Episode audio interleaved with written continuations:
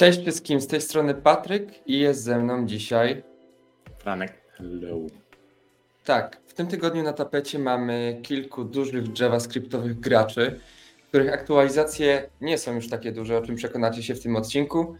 Ja Wam opowiem o tym, co ma dla nas Biom w tym roku, co wprowadził RS Pack, co dodał Remix, Prettier i Astro. A Franek opowie Wam o tak, ode mnie będzie FSX, czyli nowe API do file systemu od twórcy Eslinta. 2.1 e, wersja, wersja 2.1 od MSW i również niestety nie taka wielka. Podobnie Vitest 1.2 i na końcu powiedzmy no historia z Maybe, które teraz na pewno jest open source. E, myślę, że puszczamy intro i lecimy z koksem. Devspresso.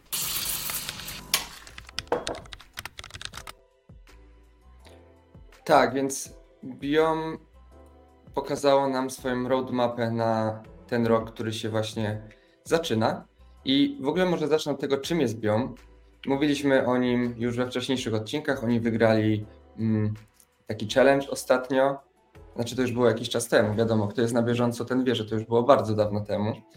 Yy, I jest to w skrócie, powiedzmy, zamiennik Eslinta i Prettiera w jednym, powiedzmy, mm. tak bardzo upraszczając. I Biom ma świadomość tego, że są małym projektem, którego jeszcze nie używa dużo osób i nie mogą zbytnio konkurować, konkurować z tymi gigantami, tak? Jakby nie mają tyle zasobów. Ale mają też świadomość tego, że małe projekty bardzo łatwo jest przemigrować z Eslinta i Prettiera na Biom, bo tam nie ma tylu problemów. Za to problem jest z tymi większymi, prawda? I to też wyznacza kierunki, w które oni chcą uderzyć w tym roku. I jednym z nich jest właśnie ułatwienie migracji e, z hmm. innych narzędzi na BIOM. Do tego będą chcieli e, dodać e, komendy CLI, gdzie będziecie mogli sobie odpalać tam BIOM, Migrate i nie wiem, hmm. wybieracie projekt i to się dzieje samo. Lepsze mapowanie rulesów ma być, tak, z Slinta na BIOM. Mają poszerzyć wsparcie dla innych języków. Na pierwszy ogień idzie CSS, potem będzie HTML i Markdown. I hmm. ten HTML i Markdown otworzy drzwi na frameworki takie jak Vue, Svelte i Astro, hmm. które mają swoje jakieś template'y, prawda? Do tego mamy więcej funkcjonalności. Y, to CLI, o którym już wspominałem, ono będzie jeszcze bardziej rozszerzone niż tylko to, o czym ja opowiedziałem. Będzie też analiza zależności e, i projektów. I oni mają coś takiego jak LSP, czyli Language Server Protocol, i on ma sprawdzać, które zależności w waszym projekcie są w ogóle używane, a które nie są. Będą hmm. auto uzupełniali wasze importy. Hmm. Y tak i na przykład ułatwią zmianę czy tam refaktor zmiennych w całym projekcie. Tak? Znaczy, ja wiem, że to niektóre te rzeczy już są już od dawna budowane w jakieś e, IDE tak. i tak dalej, ale tutaj biją też zapewni takie funkcjonalności. Będzie też jakiś system typów, e, bo nie, mhm. nie skupiali się na TypeScriptie. Do tego będziemy mieli pluginy. Z pluginami jest ten strategiczny problem, że tak jak mówiłem na początku, biom to jest wiele narzędzi w jednym, więc stworzenie takiego systemu pluginów, które pozwoli użytkownikom na robienie wielu rzeczy jest znacznie bardziej skomplikowane niż e, w mhm. poszczególnych narzędziach, tak? E, będą też transformacje. E, co to znaczy? Czyli będzie na przykład generowanie kodu. Mhm. Nie, nie, wiem, jak to jakby będzie robione, czy to będzie w IDE, czy to będzie jakaś komenda, to jakby to nie ma znaczenia na ten moment. I będzie też możliwość zmiany na przykład plików TypeScriptowych i JSX na JavaScript. Jakby to się ma, nie wiem, czy będą używali e, jakiegoś AI e, do tego, czy, czy okay. napiszą coś własnego, jakby szczegółów tam nie było, ale coś takiego ma się pojawić, więc też ciekawy kierunek. Myślę, że też może inspirowany tym, co się dzieje ogólnie e, w Zapewne branży. Tak. tak, więc tak. to jest ciekawe. Do tego też bardzo ważna rzecz, czyli zbudowanie społeczności wokół Bion, tak? Żeby ludzie się mhm. zbierali, y, naprawiali błędy, dodawali issuesy i tak dalej, żeby to wszystko działało i się kręciło. Mm, do tego mamy z tej okazji nowe logo i nową stronę startową, więc wszystkich zachęcam do, do sprawdzenia. Wzrokowców przede wszystkim, tak. Tak, więc całkiem powiedzmy daleko idące plany. E, fajnie, mhm. że mają opracowane. Znaczy, ja wiem, że większość projektów tak ma, takich większych, które też y, serio podchodzą do, do swojego istnienia, prawda? Że właśnie tak. jest roadmap i będą wprowadzać te rzeczy. Pewnie będzie można gdzieś śledzić y, progres, tak jak to bywa. Mhm. Więc ja się cieszę, że mm, jest to wszystko przemyślane na pewno, tak? Oni tak też jest. wiedzą, czego użytkownicy y, oczekują, co oni będą w ogóle w stanie zrobić, tak? Bo nie wszystko będą w stanie zrobić, to oczywiste. Oj nie, oj nie. To prawda. E, no tak. E, aha, jeszcze chciałem tylko powiedzieć, że tak, że w ogóle to jest takie zabawne, ponieważ Biom, e, on jest forkiem Roma i Rome nazywa się Rome, ponieważ to miało być narzędzie, które robi wszystko i to miał być taki żart z tego, że all roads lead to Rome i wszystkie drogi prowadzą do Rzymu. I trochę to zatracone zostało przez to, że jest fork i zmiana nazwy. No ale tak, to taka trivia ze znajomości narzędzi w świecie JavaScripta. Jeżeli chodzi o znajomość JavaScripta, to mamy coś ciekawego, moim skromnym zdaniem. Nazywa się FSX. Jest to nowe API do FS, czyli do file systemu. Zastęp, właściwie zastępnik FS tego, jakim go znacie z Node'a. Kilka rzeczy na ten temat. Po pierwsze, e, twórcą tego API jest, tego właściwie tej paczki, bo to już jest paczka, nie tylko samo API. Twórcą tej paczki jest e, Nicolas, pan Nicolas C. Zakas. Nie do końca jestem pewien, czy tak się czyta to nazwisko, nie wiem jakiego jest pochodzenia, ale e, zakładając, że dobrze przeczytałem, mam nadzieję, że tak. No to chciałem powiedzieć, że on jest twórcą Eslint, tak? To jest osoba, która stworzyła i przez wiele lat maintainowała e, Eslinta, więc e, powiedzmy, że swoje widział, swoje wie. I przez, e, jak wspomniał, przez lata użerania się z, z plików, jak wiecie, Eslint jednak musi właśnie stukać do, do naszego systemu plików, żeby dostać wszystkie pliki, które próbuje wylintować. Więc powiedzmy, że miał dużo przetarć z tym, jak to działa. I jakby wszystkie swoje wnioski, wszystkie swoje bolączki przełożył na FSX. E, cytując, albo parafrazując to, co powiedział, chciałby, żeby to było to, czym dla XML HTTP request jest fetch. E, czyli nowe API, które sprawia, że wszystko jest przyjemne, a nie męczące. Kto używał XML HTTP request, ten wie w dużym skrócie. E, to co ważne to, że API file systemu nie zmieniło się, w sensie FS w Node. Zasadniczo oprócz tego jednego wyjątku, gdzie dodali promisy, promises, e, nie zmieniło się od 2009 roku, więc jest już super stare. E, kolejny problem jest taki, że używamy tam buffer, który jest własnościowym konstruktem Node'a i nie ma go w standardowym API, też nie pojawia się w przeglądarce. No, ogólnie jest to uciążliwe do pracy z.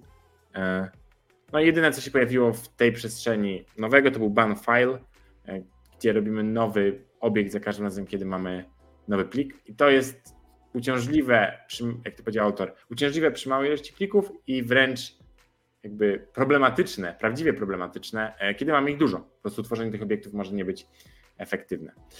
Więc e, to, co ma robić FS i co już robi, znaczy FSX, to jest skuteczne obskoczenie podstawowych przypadków. Ma trzy paczki. Pierwsza to jest FSX Node, druga to jest FSX Deno, a trzecia to jest FSX Memory. I w dużym skrócie tam jest odczytywanie i zapisywanie plików oraz sprawdzanie, czy plik istnieje. Są trzy operacje, które możecie zrobić i możecie zrobić w bardzo prosty sposób, ponieważ nie trzeba używać try-catchów. To jest pierwsza rzecz. Jeżeli używaliście FS, to musieliście w każde swoje wykorzystanie werbować w try-catchach. Tutaj nie trzeba tego robić, bo jeżeli coś się nie wydarzy, to zwróci to undefined, e, wywołanie w sensie funkcji z FSX. Co oznacza, że nie musicie sprawdzać, czy coś zerowało i później tworzyć z tego kodu, tylko po prostu sprawdzać, aha, undefined, no to lecimy dalej w ifie. Co jest bardzo jakby upraszcza całe, całe życie. E, oprócz tego te dwie paczki, no, Node i Deno, to oczywiste do czego służą, natomiast ta trzecia, Memory, e, służy do jakby tego samego, tylko działa w pamięci, co oznacza, że można je używać też w przeglądarce. Ale można też używać w testach i to jest też jedna z przesłań e, paczki FSX, że ma być łatwo jej używać przy testowaniu i przy mokowaniu i ma być łatwo sprawdzać, co się działo. Więc jeżeli testujemy, możemy podmienić implementację z właśnie na przykład Node e, FSX na e, memory e, FSX i to oznacza, że wszystko będzie działało w pamięci i będziemy mogli sobie to szybko przelecieć i sprawdzić, że wszystko działa, a jednocześnie FSX zapewnia takie narzędzie, że będzie logować wszystkie operacje, które zrobimy do file systemu. Więc dokładnie możemy sprawdzić, co się wydarzyło i dlaczego. I co? I w sumie tyle, jeżeli chodzi o tę paczkę. Jeżeli dużo zapisujecie, dużo odczytujecie, to to plus funkcje pomocnicze w stylu read JSON lub read array buffer bardzo Wam pomogą i myślę, że nie pożałujecie, jeżeli się na to przerzucicie. Natomiast jedyne, co chciałem ostrzec, to że być może paczka niedługo zmieni nazwę, bo od czasu, kiedy autor zaczął nad nią pracować, do czasu, kiedy autor skończył nad nią pracować, to znaczy oznajmił światło, a nie skończył pracować, to e, Amazon wypuścił coś, co nazywa FSX i ta kolizja nazw jest dla niego niefortunna i planuje być może zmienić nazwę na coś bardziej inteligentnego. Jeżeli macie na to pomysł, to zapraszam do kontaktu z autorem, który prosił, żeby takie sugestie mu podrzucać. Mm. Tak, i to będzie tyle. Y, ja ze swojej strony dodam, że y, cieszy mnie taka inicjatywa, gdyż jakby praca chyba była mała przerwa, ale teraz mogę wrócić do tego, co mówiłem przed chwilą, czyli praca z plikami w JavaScriptie czy w Node dla mnie zawsze była mega ciężka. W sensie, nie wiem, czy jestem przyzwyczajony do takiego deklaratywnego tworzenia interfejsów czy coś, ale właśnie wrapowanie wszystko w te try jakieś przekazywanie callbacków, czegoś tam, a tu takie, tu takie, mega męczące. Na mm. szczęście nie robiłem tego dużo, więc y, cieszy mnie, y, że powstają alternatywne narzędzia, y, które jakby pchają do przodu to, bo to znowu wymusi powiedzmy na osobach, które zajmują się JavaScriptem, żeby może coś zmienić w samym języku. Tak więc y, to tak na zakończenie tego, co tak. mówiłeś. To chyba się ładnie przykłada na temat tego, co kto wymusza na kim. w kontekście tego, o czym ty chcesz powiedzieć, prawda? Y, tak, ja powiem o RSPAC-u. Y, to jest wersja 0.5, więc jakby chyba nie było jeszcze takiego release'u release'u, bo to jest cały czas mm, tworzone i usprawniane. I mianowicie co to jest? Y, jest to bundler napisany w Raście, który służy głównie do przeglądarek. Mm, mhm. Zresztą nie wiem, czy są inne bundlery nieprzeglądarkowe. E, zresztą w sensie no, sam bundling, no, no w sumie tak. E, I jako, że jest napisany w Raście, to jest szybki, tak? Jakby sama, sam język na to wskazuje. Twórcy też twierdzą, że jest tam, wiadomo, lekki, mało zajmuje, tam, tam, tam mm-hmm, i mm-hmm. jest y, w jakimś stopniu kompatybilny z webpackiem, jakby zapewnia jego funkcjonalności i też rozumiem przez to, że przejście z webpacka na RSPacka, tak? Mm-hmm. Zresztą nazwa y, też jakby zobowiązuje, jest łatwe. Tak jest. E, I to, co dodano w tej wersji, to też jest powiedzmy zapewnienie tych rzeczy, które już były w Webpacku, albo polepszenie ich, e, czyli e, Module Federation, e, które tak. nazywane jest też przez innych mm, mikrofrontendami. Więc tak. teraz mamy to w tej wersji RSPacka. Oczywiście w RSPacku jest to szybsze niż w Webpacku. Dla przykładowego tam projektu, który każdy sobie może setupować, było to od 5 do 10 razy szybsze. Więc całkiem sporo. E, do tego mamy jakby zachowanie tego samego działania, jeśli chodzi o opcję Chunks ID, e, co w Webpacku i wsparcie dla Hot Module Replacement Plugin. To jakby się różniło względem Webpacka, teraz jest e, powiedzmy bardzo podobnie względem tego, co było, więc tak jak wcześniej mówiłem, osoby, które używały Webpacka mają łatwiej. Mamy też usunięcie domyślnej transformacji plików TypeScriptowych, i przeniesienie tej odpowiedzialności okay. już na użytkownika, który będzie sobie to konfigurował samodzielnie z użyciem SWC loadera. Tak. Okej, okay. o, to ciekawe. E, tak. I tam było jeszcze kilka innych zmian, już mniejszych, o których nie będziemy wspominać. Wszystkich zainteresowanych oczywiście e, odsyłamy do dokumentacji. E, wydaje mi się, że niewiele osób też wie o, o czymś takim, więc tutaj mieliście okazję się zapoznać. Być może macie mhm. problemy mhm. jakieś z bundlerem, albo zastanawialiście się, y, czy by czegoś nie zmienić w swoich projektach, przynajmniej tych mniejszych, bo wiadomo, nie mówimy o jakichś produkcyjnych, wielkich aplikacjach. No nie jest wersją 0.5, tak, zdecydowanie. No, na pewno nie. Więc nie wiem, czy Franek chciałbyś coś jeszcze powiedzieć na ten temat? Tylko mi, że mi się kojarzy, że jest podobne rozwiązanie w sumie chyba od Callstack, E, co nie? które też jest, e, jeżeli się nie mylę, rozszerzeniem Webpacka i pozwala właśnie na Module Federation. Repack to się chyba nazywa. Repack, tak, albo Repack, tak, właśnie. No. Więc tutaj być może, nie wiem jaki będzie ze wsparciem RSPAC. To jest pod przeglądarkę, więc zakładam, że na razie nie, ale być może też zastąpi to, to rozwiązanie. Zwłaszcza, że ma już to Module Federation. Tak, ale nie mam nic więcej do dodania. Chciałem przejść do następnego tematu. MSW wersji 2.1. E, będzie szybko, bo nie ma tam dużo, czyli dosłownie trzy zmiany, które powiedzmy są warte wspomnienia. Pierwsza jest taka, że w wersji 1 każdy request miał swoje ID i ta zmiana gdzieś zaginęła podczas bumpowania do wersji 2, więc wraca i teraz każdy request będzie miał swoje ID, co oznacza, że możemy tam niektóre rzeczy sobie sprawdzić po obu stronach, czy wszystko się zgadza. Jeżeli macie jakieś już coś, co chcecie naprawdę zweryfikować, czy każdy request jest każdym requestem, to one mają swoje ID-ki. Oprócz tego y, możliwość pisania kilku katalogów jako MSW y, Worker Directory, czyli jeżeli chcecie mieć tego samego workera w kilku aplikacjach na przykład jednocześnie, y, albo macie tak, że nie wiem, wasz WIT outputuje 7 różnych rzeczy, no tego rodzaju przypadki, to możecie zrobić tak, żeby to MSW pojawiało się w każdym z folderów. Nie wiem, jak kojarzycie, Setis Worker jest dosyć takim JS, JSON plikiem, który się generuje. Także to jest spoko sprawa. I trzecia rzecz, e, zarekomendowana przez znanego i lubionego Kenzie Dotsa, e, możliwość flowowania responses, co oznacza, że jeżeli macie invariant w kodzie, e, to możecie zrobić throw response i ta odpowiedź zostanie udzielona. Co oznacza w praktyce, że możecie na przykład zrobić invariant, który właśnie robi flow i on na przykład weryfikuje, czy coś istnieje, czy nie, a jeżeli nie istnieje, to wyrzuci wam 404. A z kolei TypeScript będzie wiedział już dalej, że ten, ten obiekt, którego szukacie, on nie jest undefined, tak? Bo to był wasz warunek, żeby nie spróbować. To jest super fajna rzecz. Możecie pogooglować, jak działa invariant i jak się throwuje e, responsy, bo to jest nawet nie tylko dla MSW, ale dla wszystkich bibliotek, wszelkiego rodzaju API i tak dalej, tak. Rzecz warta do sprawdzenia. I nawiązując do Kenzie Dotsa, który pojawił się z okazji throwwania responsów, to ogłosił on także, że e, twórca MSW dołącza do Epic Web, e, który on tworzy będzie tam, e, z tego co rozumiem, wspomagał go w wielkiej pracy, jaką jest nauczanie świata, jak tworzyć aplikacje w sensowny sposób. Także myślę, że duże wyróżnienie dla, dla twórcy MSW i e, on ma takie nazwisko, które jest trudne dla mnie do wymienienia, więc powstrzymam się od kaleczenia. Dzisiaj mam niefortunny dzień do nazwisk.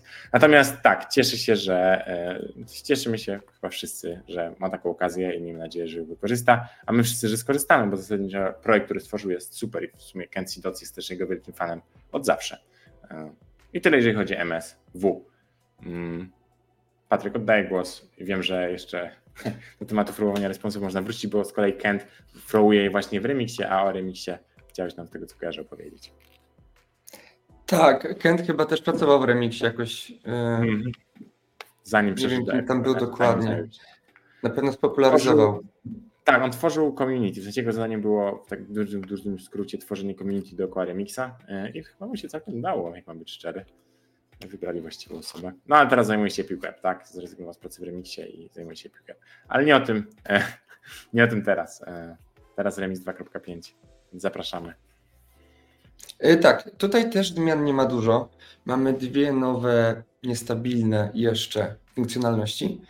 I jedną z nich jest SPA Mode, e, który będzie nam generował aplikację w formie SPA, czyli Single Page Application, która jest serwowana, wiadomo, z, z index HTML, z jednego pliku. Tak, wszystko jest robione w JavaScriptie. I jest to związane trochę z, z podejściem i jakie, jaki mają twórcy Remixa w ogóle do tworzenia rzeczy w przeglądarce. Czyli żeby to użytkownik był odpowiedzialny i jakby odpowiadał za to, co robi i jak robi. Dlatego oni też bazują swoje rzeczy na, nie wiem, na fetchu na przykład, na takich otwartych y, też fundamentach. I chcą dać mhm. tym użytkownikom opcję, że skoro nie chcesz tego serwera, który teraz jest y, wszędzie powiedzmy wpychany, to masz też opcję, wiadomo ze swoich powodów, y, do stworzenia starego i dobrze znanego SPA. E, mhm. Do tego trzeba zainstalować sobie Vita e, i plugin, wiadomo, żeby wszystko działało. Drugą rzeczą jest coś takiego, co nazywa się Several Bundles i jest to opcja w konfigu remixowym do Vita.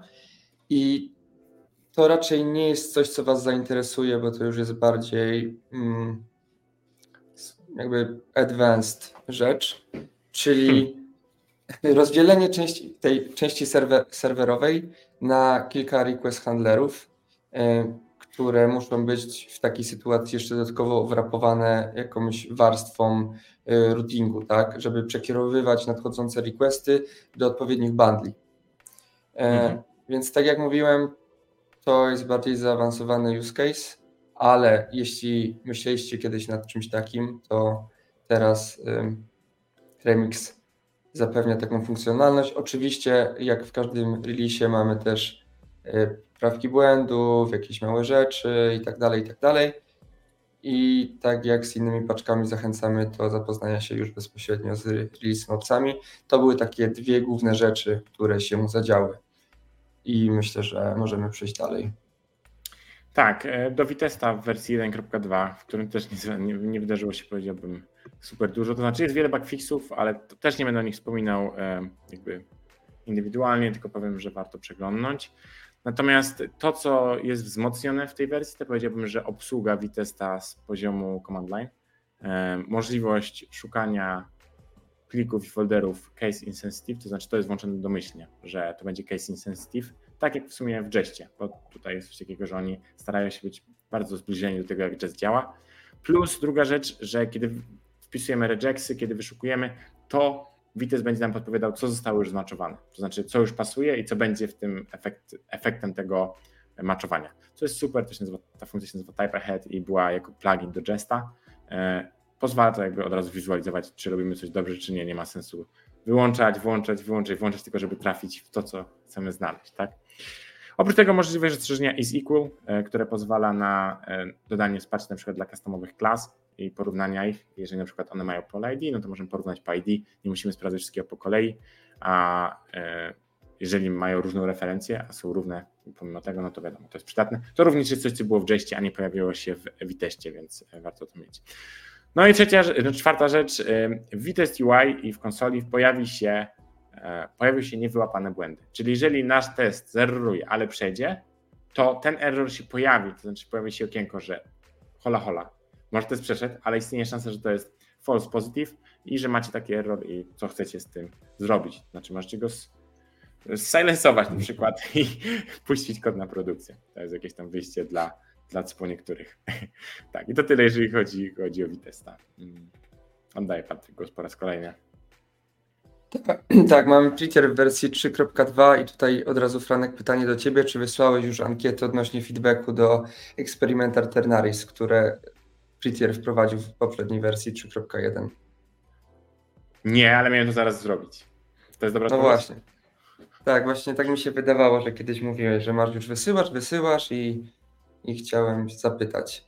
E, tak, jeśli e, ktoś chce się podzielić feedbackiem, wiem, że wszyscy są chętni, to, to jest taka opcja, jest jakiś Google Sheet, gdzie możecie napisać, że to jest super i że to chcecie. E, mamy też zmiany takie jak parser dla czegoś, co się nazywa JSON-C i bardzo się zdziwiłem, gdy wyszukałem tą frazę e, w Google, też wyświetliła mi się od razu jakaś odpowiedź ze Stack Overflow, gdzie w każdej e, odpowiedzi było coś innego. Jakby były trzy odpowiedzi, które miały super sens i wierzę, że są na swój sposób poprawne, ale opowiadały o czymś innym. Jakby dla każdej z tych hmm. osób JSON Sim był czymś innym. Dla jednej z nich był e, JSON with comments. Tak, to coś prowadzone przez Microsoft. Taką definicję.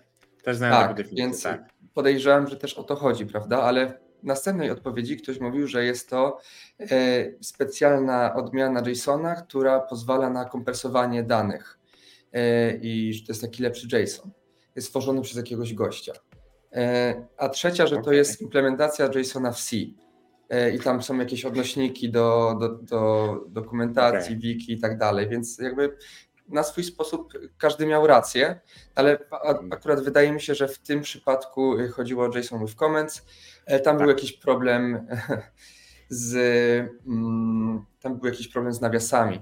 I żeby to działało, to musieliście zrobić jakiś hacky config, trailing slashes, coś tam. Teraz jest to powiedzmy e, zapewnione jest wsparcie od razu oficjalnie z Prettiera.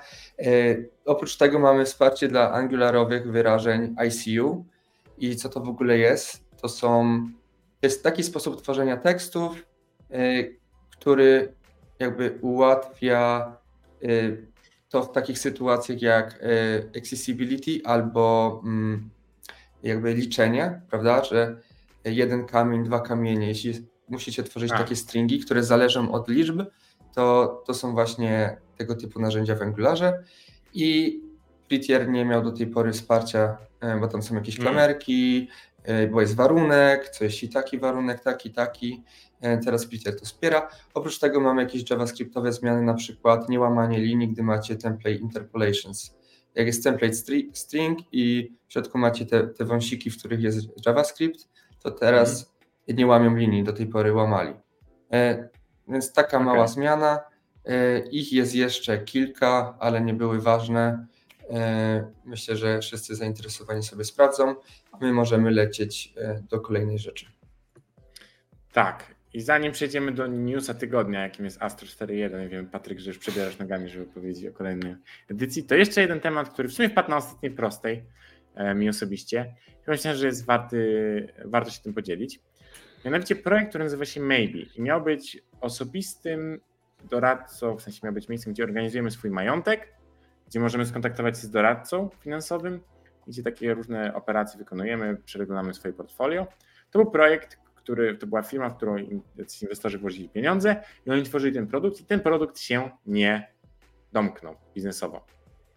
I po tym, jak oni nad nim pracowali przez chyba dwa lata, jeżeli się nie mylę, e, stwierdzili, że zamykają jakby kram i idą w innym kierunku, zajmują się teraz e, AI. Natomiast ten projekt otworzyli i powiedzieli, że każdy może sobie w sumie z niego korzystać, może go poprawiać, możemy go rozwijać jako community i będzie mógł go każdy self-hostować. I to może nie jest najciekawsza rzecz dla słuchaczy naszego programu. Natomiast to, co jest ważne, to to, to, to że to jest projekt, w który włożono około milion dolarów w tworzenie tego projektu. Mniej więcej jak wyliczyli, że to kosztowało. Więc można sobie, ci, którzy mają może impostor syndrom, mogą wejść i zobaczyć, jak taki projekt za milion dolarów w Next.js w Reakcie wygląda. Od razu wspomnę, że on nie działa. I nie działa dlatego, że oni korzystali mocno z takich rzeczy jak e, Prisma, jak Auth0, jak integracja z bankami. Te wszystkie rzeczy oczywiście w wersji open source nie działają. Więc gdzieś tam jest zadanie dla społeczności, że jeżeli chcemy to odpalić, to musimy wyciąć te kawałki i zastąpić czymś innym.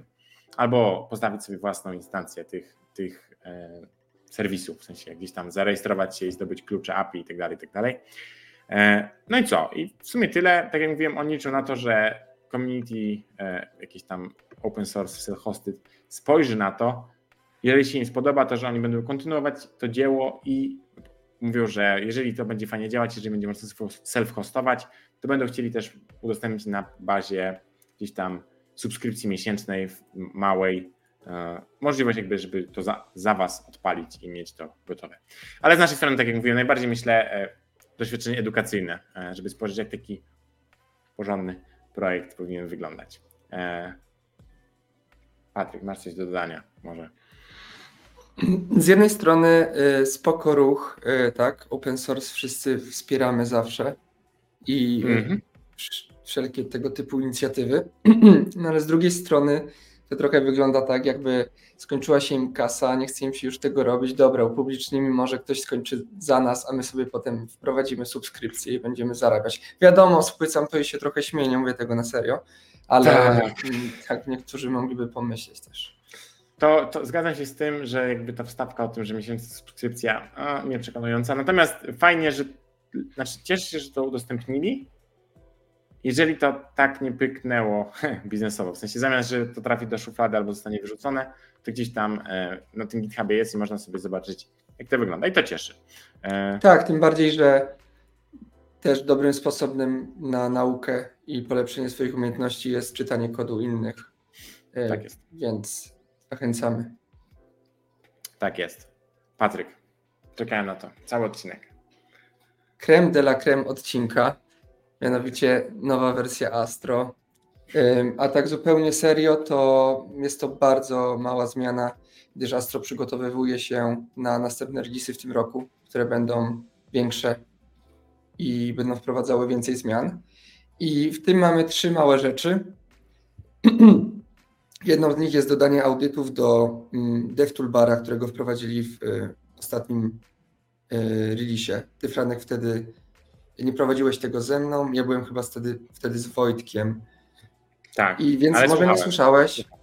A, no właśnie, słuchałeś odcinka, więc wiesz o co chodzi i wszyscy nasi słuchacze też wiedzą, mianowicie do tego, co dodali, jeśli ktoś nie wie, to niech sobie sprawdzi, mamy mm, atrybuty mm, do accessibility, ability, które jakby audyt, który sprawdza, czy są wszystkie potrzebne, jeśli ustawicie Mm. sobie rolę, czy macie jakieś niewspierane w ogóle atrybuty i to Wam pokażę, więc taka mała, fajna zmiana.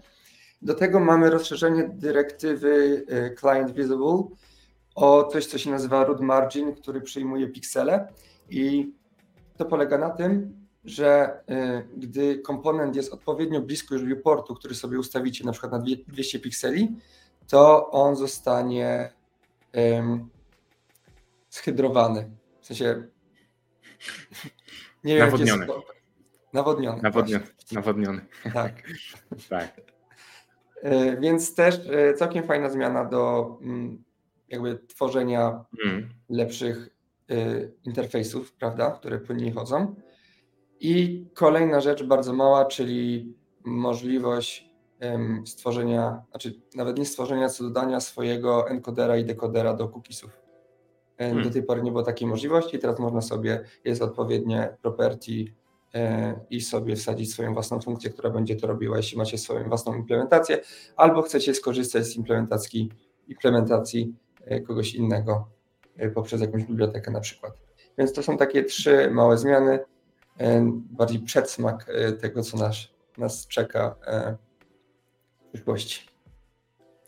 Tak jest. E, To był też przedsmak tego, co Was czeka. To był 24 odcinek Devspresso i to był, mamy rok 24, więc mieliście przedsmak tego, co Was czeka i przedsmak dlatego, bo mam nadzieję, że więcej nie będziemy mieć 32-minutowych odcinków i że nie będziemy mieć problemów technicznych w trakcie tych odcinków. Natomiast e, było trochę newsów i myślę, że część nawet bardzo ciekawa. Także miejmy nadzieję, że taka tendencja już utrzyma się e, w tym roku. E, Dzięki Patryk, że byłeś ze mną. Dzięki Wam, że nas posłuchaliście. Zapraszam oczywiście do subskrypcji, komentarzy, wszelkiego rodzaju interakcji. Zawsze nam jest bardzo miło, jak coś takiego się pojawi. I co? To tyle. Dzięki, do usłyszenia. Na razie.